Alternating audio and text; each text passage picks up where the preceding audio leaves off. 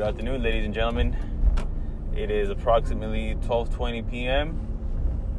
Today is Wednesday, October 3rd, 2018, and I want to welcome you back to Traffic Talk.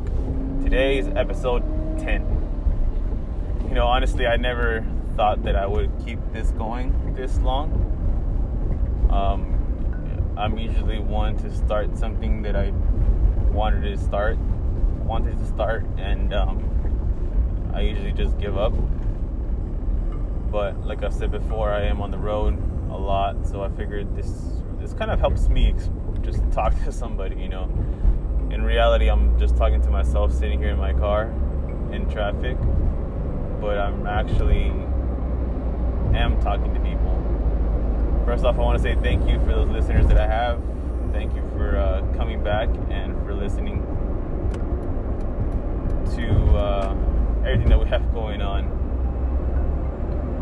Um, this is episode 10 of this traffic talk. Thank you guys for joining me in this DJ Icon DJ Icon Entertainment podcast. Um, today's conversation that I want to have is uh, not really a topic, but just something that I have, you know, those of you that have uh, been listening for since the beginning of the podcast would know that uh, I coach my son's baseball team. So my son, my oldest son, will be seven in a couple of weeks, and um, as I mentioned before, he is on a on a eight and seven U baseball team. So we um, I coach his team. So yesterday we had our very first game before this game, last season, last spring ball, we were still in T-ball, so we were the top top playing team that we had in our park. And actually, not even in, in our park, in our whole league. We went 18 wins, no losses, undefeated the whole season. There wasn't one game that I guess you can say close. We pretty much blew all our, all of our. Uh, opposing teams out of the water. Um, so we had a phenomenal season last season, and um, yesterday's game we had well after after this past season we had to move up to the next division. So it starts off at Shetland. Shetland is six years and under, um, but after six years, obviously, it's another division. So it's seven and eight year olds, which is called Pinto um, and that's where we are now. So yesterday we had our first Pinto game, and leading up to this game, you know, I kind of had it in the back of my head, like I wasn't expecting to be the top team. I wasn't expecting to blow our opponent out of the water or have a phenomenal game or anything. I already I walked into this game knowing that I that we were all green to this uh, new division. I've never coached Pinto before. I've coached uh, Shetland for the past five seasons, and I've also coached uh, Bronco, which I believe is 9 and 10 or 11 and 12, one of those two. But I've coached everything besides Pinto. So converting T-ball players into actual, what do you want to call? I guess you can call it actual baseball players. You know, T-ball is different from actual gameplay. Is what I was trying to say. So converting them from T-ball players to actual real gameplay mode, it's kind of hard. You know, from breaking into the little habits that they had from putting their hands up, calling a dead ball, to the ball being live until the pitcher has it, or until somebody calls time. You know, um, Shetland, whenever you get the ball in the infield, you can put both your hands up and um, the play is considered dead. Pinto, is live. It's pretty much regular ball play. So it was kind of difficult to break some of the kids out of that habit. Also in Shetland, you're allowed to play all your position players up to up up to 12 players, at least in our park. We can have in the field. So that means uh, all infielders, which is a pitcher, optional catcher, first, second, third baseman, a shortstop, right field, left field, center field, and then left center, right center, and an additional one if you have it. So converting from all players play to position players playing only. Yesterday we me and the opposing coach agreed to have four outfielders, so at least we were able to add one more person onto the outfield. And um, only we only had one player benched per inning.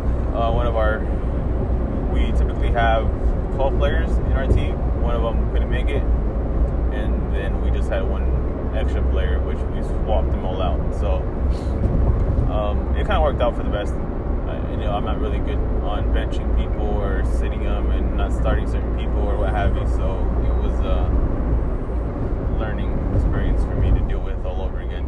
So the game, we were the home team and we played the team called Mets, um, and I believe they're a team from our park as well. I've never seen half of those kids that we played in the other league, but um, they were there, and I think they're from our park. They were a pretty good team. You know, they had very good, solid pitching. They had this one pitcher that was huge and just throwing harder and converting our T-ball players from learning how to hit off of a, off of a machine, which is a like a lever machine that you pull back and it launches the ball to the, to the batters, and off a tee was not too difficult, but it's difficult when you have a kid up there and throwing harder than what I thought I was throwing. You know, when I do live pitching, you know, I throw it hard enough to where it can get there versus last night's game where the, their kids were throwing pretty hard and they're throwing pretty um, consistent across the board. So it was a rough game for us. Um, coach, for, I mean, for me as a coach and for all the players as well. Um, it was rough, but it was a good learning experience. Now I know what we need to expect on our next game, so we can have more practice going into the the next game. So we did lose yesterday. Oh, excuse me. We did lose yesterday's game. Uh, I believe the final score was seven to zero. Yeah, I want to say seven zero. Not a shutout. I mean, not a not a we we didn't get mercy ruled or anything like that. We didn't get massively shut down. You know, we held down our own. You know, our defense was kind of falling asleep, trying to figure things out still. Our offense was not there. All game we got one hit. We had two, four, five base runners all game. So at least at, at least we did some. At least we had at least we had runners on base. Um, that was what my main concern was. That was that if they were as good pitchers as we noticed, they, they were. You know, I thought that all of our kids would have gotten shut out, would have gotten shut down, and um, out. You know, our pitching was okay. Again, we had a transition from machine pitch to actually converting players to be pitchers. So trying to uh, convert infielders to pitchers and outfielders to a pitcher. It was it was a hard transition, but they got the gist of it and they were able to adapt and learn. So that wasn't my main that wasn't my main worry. Was it wasn't I wasn't worried that I wasn't going to be able to transition them to a pitcher. My worry is that they weren't going to throw very many strikes and not as hard. So I have a, one player, he's my third baseman and a backup first baseman, and he throws pretty hard. If I was to play catch with him, and or he was just throwing me the ball, I can feel it, know. But when he pitches, it's a different story. He doesn't throw as hard as I would want him to. But again, it's all just a learning experience. We, I know this one season, just like our first Shetland season, was rough on us. So I know this is starting start over starting over again. So I know it's going to be a little difficult.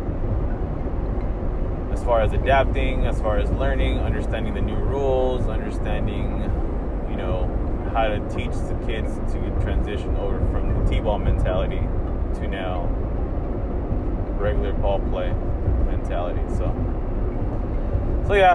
Um, again, I was kind of bummed out that we did lose. You know, I come. Um, we came from a season that we won every single game, and it was expected from us to win every single game, and it was automatic for us. So a little bit difficult. You know, I was pretty upset. I'm, I'm the type of coach that you know takes it all to heart. I get upset when we make errors. I get upset when we don't hit, or I get upset when the kids don't listen. I don't take it out on them. You know, I know how to control myself and how to express myself to them. But I was just generally upset that we didn't come in as ready as I wanted us to. So, but again, we can't win every single game. Know, like I said, I walked in understanding that we weren't the best. You know, there was other teams already. Oh my God! Excuse me. There was already other teams in that division already that had played a season more than us, so I already knew walking in that you know it wasn't going to be our year, and I already knew what to expect. So hopefully we can learn from our mistakes. Hopefully next practice our, our boys can uh, understand what happened, what was going on, how to fix it, how to adjust, and all that good stuff. So, but yeah, that was my day yesterday. Um, as far as today, I already visited one. I already visited one location. I was in Fontana, close to my house in the morning, and then I went to Santa Fe Springs, which is where I'm coming from now. And now I am going west on the 60 freeway to Monterey Park, and I'm gonna head to Perris, California after this. It's gonna be a long, a long drive over, but um, should be fun. Nothing planned for today. You know, today should be a rest day for us. Um, tomorrow, my younger team has their first game, so again, already walking in expecting the worst. Um, my younger team has all new players besides two that are returning from last season. So hopefully that goes well also. So um yeah. Those are my days. That's my update. I want to say thank you guys again for joining me. This is episode 10. Those of you out there that are listening, you guys want to talk about something, you guys want to discuss something, message me, let me know what's going on let's link up, let's collaborate, and let's uh, let's keep this podcast going, huh? Episode 10. Thank you guys for your time. Thank you guys for joining me. Thank you guys for letting me borrow 13 minutes of your day. I want you guys to have a great rest of your evening. Drive safe, be careful, and uh, see you in the next one. Thank you.